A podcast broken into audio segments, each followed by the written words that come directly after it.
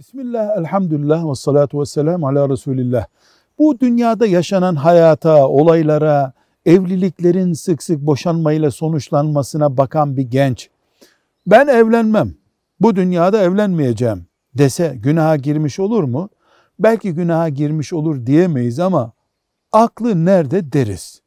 Çünkü trafik kazalarından korkup ben trafiğe çıkmam demek kadar akıl dışı bir şey bu. Hayatı öyle veya böyle yaşamak zorundayız. Evlilik bu insanoğlunun kaderidir. İnsanlığın devamının gereğidir. Kaçarak değil, mücadele ederek, şeytana alet olmayarak bu imtihanı kazanmak zorundayız. Velhamdülillahi Rabbil Alemin.